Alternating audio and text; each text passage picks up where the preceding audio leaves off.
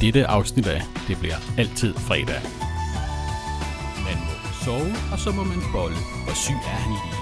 Man må sove, og så må man bolle. Være sur og være svær. Det giver så nogle uger igen på, øh, på et lukket afsnit. Virkelig kommer til at hjælpe mig. Det er nysgerrighed. Velkommen til. Jeg sidder i øjeblikket i det, jeg vælger at kalde for øh, studie 3. Årsagen til, at jeg sidder herinde i øh, studie 3, det er fordi, jeg vil starte med at fortælle lidt omkring små sikre succeser, som er en af de, øh, en af de mange redskaber, jeg har fået til det her selvhjælp, som er en af de meget, meget store og bærende elementer i at, at få en bedre hverdag, når man har PTSD. Små sikre succeser, det er også det, man kan kalde for kravle gå løb, eller nærmest udviklingszone, eller Livegotski, eller hvad man nu kan kalde det for. Helt konkret i det her tilfælde. Om to måneder, så skal jeg sidde inde i min stue med et menneske, jeg ikke kender, og øh, det er mildst talt øh, angstprovokerende for mig. For samtidig med, at jeg skal prøve at holde en spændende samtale gående, så skal jeg lytte, og jeg skal trykke på nogle af de her blinkende båndoptagerknapper og sørge for, at øh, de her smarte øh, EDB-mikrofoner, de, øh, de virker sådan, så at lyden den bliver sådan rimelig fornuftig. Og vigtigst af alt, så skal jeg have noget ud af det selv. Jeg vil gerne selv blive klogere på de samtaler og det, som der bliver fortalt om med de gæster, som jeg kommer til at have ind i min sofa. Inden jeg så vælger at gå ind i sofaen med en gæst, jamen så vil jeg så, at jeg om en lille måneds tid skal sidde inde i min sofa med min ven, altså med min kollega, og vi har så den første samtale podcast. Inden da, så vil jeg godt se, om jeg kan få styr på knapperne og båndoptagerne og alt det her tekniske. Så jeg har startet et sted, hvor jeg føler mig tryg, hvor jeg føler mig godt tilpas, og et sted, hvor jeg tilbringer store dele af min tid. Og det her er herinde i studie 3. Ejendomsmægler, han vil nok vælge at sige, at, at det i virkeligheden er måske mere et, et soveværelse. Men vi ved alle sammen godt, at i et soveværelse, der må man kun to ting. Man må sove, og så må man bolle. Og man må i hvert fald ikke have et kontor, hvor man laver en podcast. Nu har jeg PTSD, og noget af det, som er det er udfordrende ved PTSD, det er, at jeg sover sjældent særlig godt. Jeg sover faktisk knap så godt, og det er ikke fordi, at jeg har mareridt hver evig eneste nat. Det er noget, øh, som har noget at gøre med, at min energi, den har nogle uh, lidt andre kurver, end, uh, end andre mennesker har. Og så tager jeg en masse medicin. Jeg tager noget medicin, som er sådan opkvikkende i sind, og så er jeg nødt til at tage noget medicin, som er sløvende for tankerne, for at overhovedet kunne sove. Lige præcis det her med, at jeg sover meget i mit soveværelse, og det er altid dejligt at kunne sove, det, øh, ja, det er altså ikke en regel, der gælder for mig. Så det her med at bolle, det er ikke så meget med PTSD at gøre, det er, det er nok henset til min øh, personlighed. Vi starter sådan set meget, meget parallelt med, øh, at podcasten den kommer, så følger vi mit liv. Grunden til, at jeg ikke fortæller, at jeg hedder øh, Bent Bensen, og jeg øh, har en grøn barat, eller jeg er glad for heste, eller alle de her tusindvis af forskellige øh, ting, der nu kan ligge bag det med, at man er soldat eller man er veteran. Det er ikke det, der er interessante for mig. Gårde eller blod, eller fortæl om dine traumer, og vi vil se dine tårer, og, og, og sådan noget. Det tror jeg, det er sådan lidt kortkøbt. På den længere bane, så tror jeg, det er mere interessant, mere hjælpsomt for mig, som er det vigtigste formål, men måske også hjælpsomt for folk, der lytter, i stedet for bare at få en spændende historie med, øh, dengang jeg var med nogle sorte beretter i, i Afghanistan, eller man har været med nogle øh, blå baratter i det tidligere Jugoslavien. Det er ikke det, som er formålet, og det er ikke det, som bliver indholdet for min historie. Når jeg så alligevel gerne vil, vil dele min historie, så kommer det til at ske således, så at når jeg nu har de her forhåbentlig spændende samtaler med mine øh, mange gæster, så vil jeg naturligvis drage paralleller til, hvad har jeg oplevet, eller hvad har jeg været igennem, eller nogle af de ting, som jeg har af erfaringer, som naturligvis starter med de her traumer, men det er altså ikke essensen. Essensen, den er, at jeg står nu et sted i mit liv, hvor at jeg ikke længere skal øh, være gift med forsvaret. Vi har jo snart sølvbrøllup, men øh, det når jeg ikke at holde. Jeg er lige blevet færdig med mine behandlinger, og jeg har været igennem behandlinger i, lad os bare sige, tre år nu. Det er det anden gang, jeg er igennem sådan et forløb. Så for ligesom at prøve at, at fortælle om, hvad skal man sige, jamen, øh, hvor, hvor syg er jeg egentlig? For det kan være enormt svært at, at se på mig, at jeg er, er syg. Det kan øh, måske også være svært, hvis man hører den her podcast. Så sidder man og tænker, nå, men øh, han er da sådan rimelig velformuleret, og, og det kan godt være, at de her grafiske tegninger, han har lavet, de er lavet paint, men der er der ikke så mange stavefejl i. Det er så fordi, jeg får hjælp af en, en rigtig god veninde. Men helt ærligt, hvor syg er han lige? Og øhm, jeg tror, jeg vil prøve at, at komme med nogle, skal man sige, komme med nogle eksempler fra min, fra min fortid, eller noget af det, jeg har været igennem, for ligesom at, at, at lade det være øh, bevis. Ikke at jeg har noget at skulle bevise, men så i hvert fald være en eller anden slags målestok for, hvor, øh, hvor syg at lærerne de i hvert fald ser øh, mig som. For 10 år siden, der kom jeg til en psykolog, som min øh, arbejdsgiver betalte for, for de så meget, meget gerne, at jeg besøgte den her psykolog.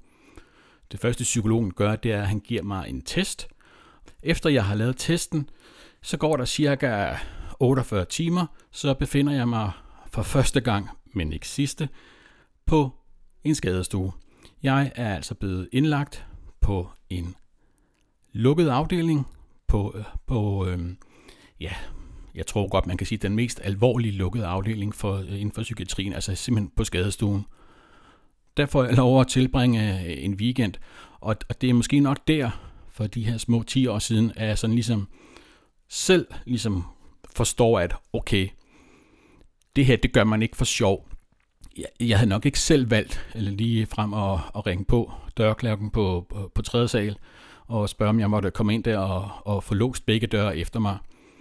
Men i og med, at de voksne, de mente, at, øh, at det var det rigtige sted for mig, så gik der ikke ret lang tid.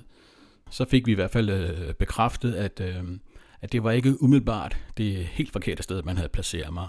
For kort tid efter, at jeg kommer hjem, hvordan skal jeg formulere det her, så kommer der en kollega og, og finder mig en morgen og øh, det giver så nogle uger igen på, øh, på et lukket afsnit. Ja, jeg kaldte det dengang for et sindssygehospital, men, men det lyder ikke særlig pænt. Så lad os bare sige på en, øh, en lukket psykiatrisk afdeling og fik øh, medicin. Jeg har været så syg, så at der er kommet en plejer ind til mig og har spurgt mig om i ramme alvor, fordi hun jo vidste, hvem jeg var, jævnfører min øh, journal, om hun skulle børste mine tænder for mig. Når jeg, når jeg plejer at, at sige det til, øh, til folk, så giver det i hvert fald en eller anden form for forståelse eller dimension af, at det, det er ikke for sjov. Det, det er ikke noget, man, man bare sådan lader som om, eller prøver at få nogle gratis øh, skal man sige, øh, sygedage for ens arbejdsgiver. Så fast forder vi frem på daværende tidspunkt, der var kendskabet til PTSD, det var desværre ikke øh, så udbredt og så godt, som det er i dag. Så jeg blev ikke rigtig fanget i det her sikkerhedsnetværk, men kom tilbage. Og noget af det, jeg kom tilbage til, det var noget af det, som jeg godt lige vil knytte en kort kommentar til, for jeg synes, det er på den ene måde fantastisk, men lige så farligt. Og det er det her med, at du kan gøre det. Du kan gøre, hvad du vil. Tro kan flytte bjerge. Bare gå på. Det var det, jeg fik at vide af alle, så det prøvede jeg. Og, og, og det troede jeg på. Alle sagde, det kan du gøre, du skal bare kæmpe, kæmpe, kæmpe. Og det gjorde jeg.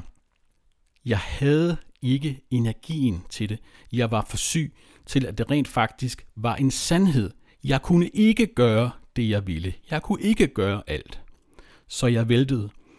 Og øhm, det er så cirka tre år siden nu, og det har taget mig, ja i hvert fald de her tre år, og to forskellige øh, regionshospitaler. Jeg har i hvert fald haft 60 behandlinger. Øh, lad, lad os bare sige, på den gode side af 50 øh, behandlinger har jeg, har jeg haft. Med medicin selvfølgelig. Det er egentlig, hvad jeg har lyst til at fortælle omkring min historie. Vi skal nok finde ud af undervejs, hvilken øh, farvebarat øh, jeg har gået med, eller hvilket land det var, at, øh, at jeg var i, der fik de her traumer. Men det er altså ikke det, øh, det essentielle, og det er ikke det, som skal bære det, fordi det her, det er, det er min rejse. Det er også det, der er formålet med den her podcast, det er, at jeg skal blive klogere på mig selv, så at jeg kan få nogle flere dage, hvor at de ikke føles som de her utrolig mørke, våde, ultra nederen mandag morgen, hvor man står ude i gården, og man har haft sit persiske marked, og man skal på fem dages øvelse på Kulsbjerg eller Forsvinderup, eller hvor man nu skal hen. Men at jeg sådan oftere har nogle dage, hvor jeg tænker, nå, i morgen, så er det fredag, eller det bliver snart fredag, uanset hvilken ugedag det i øvrigt er. Og jeg håber, at I forstår, og at I ligesom vil lege med på det her ordspil med, at, at fredag ikke nødvendigvis er fredag, ui, ui, skub til taget Crazy Daisy, men måske er sådan en metafor for, at det er en dejlig ting, det er en god dag, eller det er en dag, hvor der sker noget, der er rart. Jeg har naturligvis en masse ting i mit liv nu, som, øh, som er meget rare. Det vil jeg jo gerne have udbygget, så der kommer flere og flere ting. For når behandlingen den øh, ligesom øh, er stoppet, jamen så har jeg en eller to, skal man sige, i gåsøjen, øh, fridage om ugen, altså dage, hvor jeg ikke skal, skal bruge på at gå til behandling, men dage, hvor jeg rent faktisk kan bruge på at gøre nogle ting, der er gode for mig selv. Nogle ting, som ja, ting, som, øh, som dig, der sidder og lytter her, måske egentlig tænker, det er ja, gud, noget små mål, du har i livet. Men lad os tage en dag som i dag. Det, jeg har skulle i dag, det var, at øh, jeg har klippet min negl, og så har jeg været ude med skrald. Det er sådan set, øh, skal man sige, øh, et succeskriterie, for det har været en god dag. I går havde jeg min sidste behandling. Det var rigtig hårdt, og det gør så, at jeg ikke sover særlig godt, så at dagen i dag, den er ikke sådan helt vild. Jeg har så sådan lidt øh, modigt prøvet at optage det her podcast for at se, om, øh, om det er for meget, fordi det er, det er det, der bliver hele min fremadrettede øh, proces i livet. Det bliver at mærke efter, prøve, prøve grænser af. Kan jeg gøre det? Vil jeg det gerne? Og alt afhængig af, hvor gerne jeg vil det, så er det måske noget med, at man får bygget det op. Altså ved, at man laver de her små, sikre succeser, man tager nogle små skridt og bygger videre og bygger videre. Nogle gange så får man puttet for meget på sin dag, så må man trække lidt fra. Og hver gang, at jeg gør en eller anden investering, hvis jeg besøger nogen, hvilket sker meget sjældent, men hvis jeg får besøg, så har jeg altid mindst dagen efter som en hviledag, ligesom i Tour de France. Når at jeg har besøg, så er det mildest talt mit Alpe En halv time til to timer med en gæst, så er jeg fuldstændig knust. Det vil afspejle sig i dagen derefter. Så dagen efter, der har jeg hviledag til at kunne gøre klar til en ny god dag. Det jeg er gået i gang med at lede efter, det er at finde flere ting. Ting, som kan give mening for mig, ting, som jeg har lyst til at gøre for mig selv. Og jeg har en personlighed, der gør, at, at rigtig mange af de ting, jeg synes er gode, er ting, hvor jeg også gør noget for andre. Og mit første projekt, det er jo meget indlysende, det jeg har i gang med her, det er den her podcast. Imens du lytter, jamen, så sker der sådan set de, øh, de ting, som, øh, som, øh, som jeg taler om, og som jeg fortæller om. Hvis jeg skulle prøve at forklare det sådan lidt mere teoretisk, det er jo meget forskelligt, hvordan vi forstår verden, og for ikke at blive alt for sådan noget soldater, LMG, sløringsagtig. En af de ting, der har virket rigtig godt for mig, det er, jeg har fortalt mine, mine psykologer, at som jeg ser det, så er det, at da mine tidligere behov puttet ind i Maslows behovspyramide, den er, ja, den har været udsat for et jordskæld, kan man sige, og, og det hele er ligesom faldet til jords. Så nu skal jeg i gang med at mærke efter og alle de her føle-pøle ting, finde ud af, hvad har jeg lyst til, og hvad har jeg behov for, og dem skal jeg så have puttet ind i den her nye Maslows behovspyramide. De ting, drømme, som jeg havde før, er simpelthen nødt til at ikke vende ryggen til, men i hvert fald ikke at lade dem fylde for meget. Jeg er, jeg er nødt til at erkende, at de kommer ikke til at være ens, men jeg er så gudskelov kommet så langt, så at jeg erkender og respekterer og accepterer, at den nye pyramide, jeg laver med mine forskellige behov, den er lige så god som den tidligere, jeg havde. Altså, jeg synes ikke, at man skal måle på de her forskellige og sige, at oh, man, det var da meget bedre i, øh, i gamle dage. Der, der ville du jo gerne øh, læse en doktorgrad i antropologi, og så ville du også gerne tjene en masse penge. Nu står jeg et sted, hvor jeg kommer ikke til at arbejde mere. Så jeg er godt klar over, at jeg kommer ikke til at tjene mange penge. Men så må jeg måske prøve at lave det sjov, jeg nu kan for de penge, jeg så har. Eller lave nogle ting, som ikke koster penge. I stedet for at måske læse en doktorgrad i, var det antropologi, jeg sagde før, jamen så skal jeg måske tage et weekendkursus på AOF i at male, tage billeder, eller der er jo uendelig mange muligheder. De muligheder, det vil manifestere sig her på platformen ved, at det er nogle af de mange forskellige gæster, som jeg, som jeg tager ind. Og håber virkelig, at de kan give mig nogle ting, og det kan godt være, at de ikke øh, kan give mig den, øh, den hellige gral, eller præcis det rigtige, men så kan de måske i hvert fald give mig det, at jeg ved, at nå, men det, det er ikke den retning, som jeg har lyst til at gå. Og det er også en meget vigtig, en vigtig indsigt at få, synes jeg. Jeg prøver lige at knytte et par, et par kommentarer eller et par ord med til det her med øh, at forstå og acceptere. Jeg tror, at det, der gør, at jeg har en, jeg ved ikke om det er en stor chance for at få et godt liv, men i hvert fald en større chance for at få et godt liv, det var, at da jeg stod på mit værelse med gitter for ruderne, ikke kunne, kunne låse døren, der lagde jeg mig om på, på skjoldet, altså lidt ligesom en, uh, en skildpadde, der vælter, og de her arme og ben, de bare padler rundt, var der ikke rigtig noget at gøre, og jeg havde brug for hjælp. Så jeg fik en forståelse af, at, at jeg kan ikke klare det her selv. Jeg har brug for andre. Og jeg har ikke brug for at blive ved med at gøre de ting, som har ført mig til det her sted. Som blandt andet har været at, og arbejde og arbejde og arbejde og knokle og lukke folk ude af mit liv. Sige farvel til det meste af min familie. Virkelig, virkelig indsnævre ens øh, omgangskreds med, med venner og med til sidst også med, med hobbyer og alle de ting, som man nu kunne finde på at gå til. Jeg havde brug for at, at lytte, og så brug for at, at acceptere, at det var, som, øh, som det er. Efter den her accept, den kommer, så prøve at få en respekt. For, for mig, der betyder det således, at når jeg har accepteret noget, og jeg har respekteret det, så betyder det, at jeg kan handle derefter. Det her, det skal nok eller være med at blive sådan et, øh, et teoriprogram, men noget af det nemmeste, som har givet mig mest, altså den bedste teori, det er det, er det der hedder det dobbelte kram.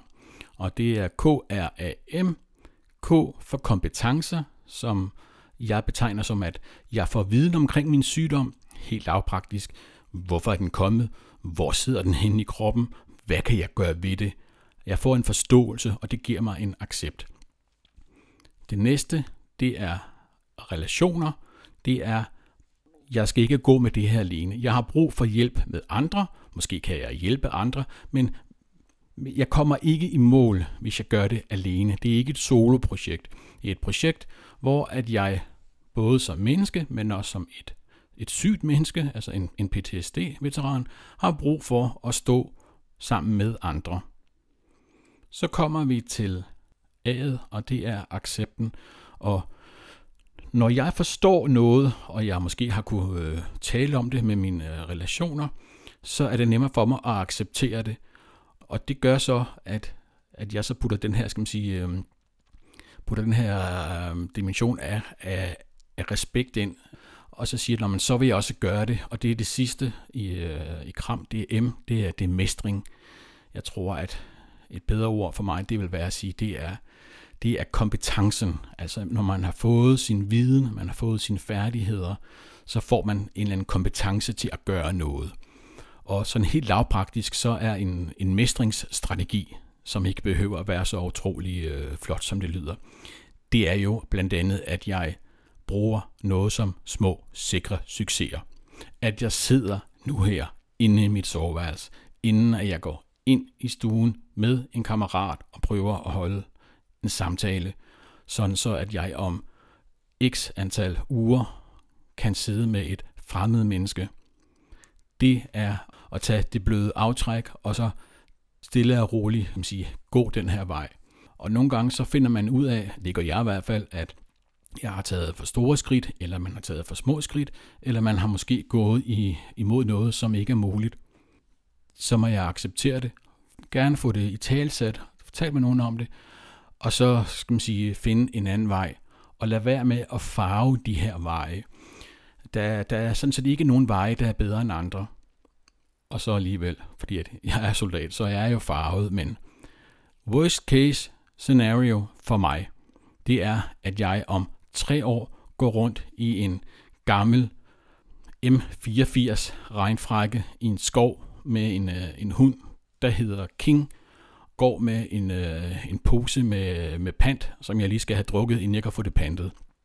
Og være sur og være tvær, bære næ, både nag over for den fjende, som har givet mig mit traume, eller bære nag over for øh, det offentlige, som ikke har kunne hjælpe mig, eller bære nag over for min arbejdsgiver.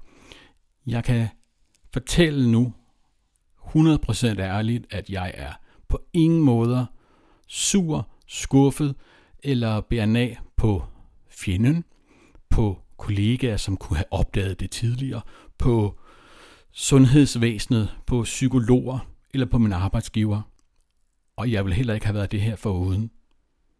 For jeg ved ikke, hvordan det ville have været for uden, men jeg ved da trods alt, hvordan det har været, og jeg er sikker på, at når alt kommer til alt, så skal det nu nok blive, om ikke godt nok, så i hvert fald så godt, som jeg kan få det. Noget af det sidste, jeg vil prøve at, at runde af med, det er noget, som jeg kalder for øh, lyt med respekt. Jeg vil gerne have, at du, øh, at du lytter og, øh, og viser mig den respekt, at, øh, at du selvfølgelig tror på, hvad jeg siger, men at du ikke nødvendigvis tager det for facit. Det er ikke sikkert, at, øh, at små sikre succeser eller KRM, det virker for, for dig eller for dine pårørende. Men det virker for mig. Så lyt, prøv at smag på det, eller gør dig din, øh, din egen indsigt, og finde, finde øh, ud af, hvad, hvilken retning du kunne tænke dig at, øh, at gå i så, så vil jeg fortælle om noget ros, jeg fik øh, fra, min, øh, fra min psykolog, og, og det lyder helt, helt, helt fjollet, og øh, vi har trods alt kendt hende ind igennem øh, 15 måneder. Hun siger, at det, der har været det bedste ved mig, og som hun tror er et af de ting, som virkelig kommer til at hjælpe mig, det er nysgerrighed. Og så snart at man siger nysgerrighed, så er jeg udmærket godt klar over, at så alle, der, der render rundt i, øh, i, øh, i sløringsuniform og får en dårlig løn, de, de får det simpelthen dårligt, fordi at nysgerrighed, det har vi ikke brug for. Vi skal gøre det, vi plejer, og vi skal gøre det kendte, og gøre, som der står i de røde reglementer. Der er ingen grund til at komme med noget nyt her, og vi behøver ikke at være nysgerrige. Når den nye premierløjtnant, han kommer fra HO, så har han ingen erfaring, så ved han ikke en skid, så ham skal vi ikke følge, og der er ingen grund til at prøve at lytte. Her vil jeg godt lige sige, at det kan godt være, at man ikke skal give ham kortet, fordi man vil jo gerne hjem fra øvelsen igen. Men hvis man lige lytter på den person, som kommer med den nyeste viden fra det allerhøjeste sted, så, så er der måske nogle ting, som man faktisk kan bruge, og som man kan bruge sammen. Som, øh, som menneske, så, øh, jeg prøver at være sådan, øh, jeg kan se, om jeg kan ramme de, de lidt fluffy mennesker også, dem med, med lidt længere hår end, øh, end dig og mig. Så er det en del af, af, af dannelsesbegrebet, at man er et, et sundt og dannet menneske, hvis man har nysgerrighed, hvis man tør spørge, og man tør prøve. Og til soldaterne, så vil jeg sige, at prøv at se nysgerrighed som grej. Altså, du står ude i Armyware, eller hvad, hvad, hvad pokker det nu hedder den butik, du handler grej i, og så er der kommet nogle nye stumper eller nogle nye dimser, som man har lyst til at prøve. Det er nysgerrighed. Og den nysgerrighed, den kan altså komme rigtig langt.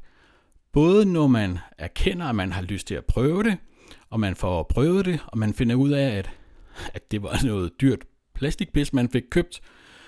Det kan også godt være, at det var et genialt multitool, man fik med i sin kasse der.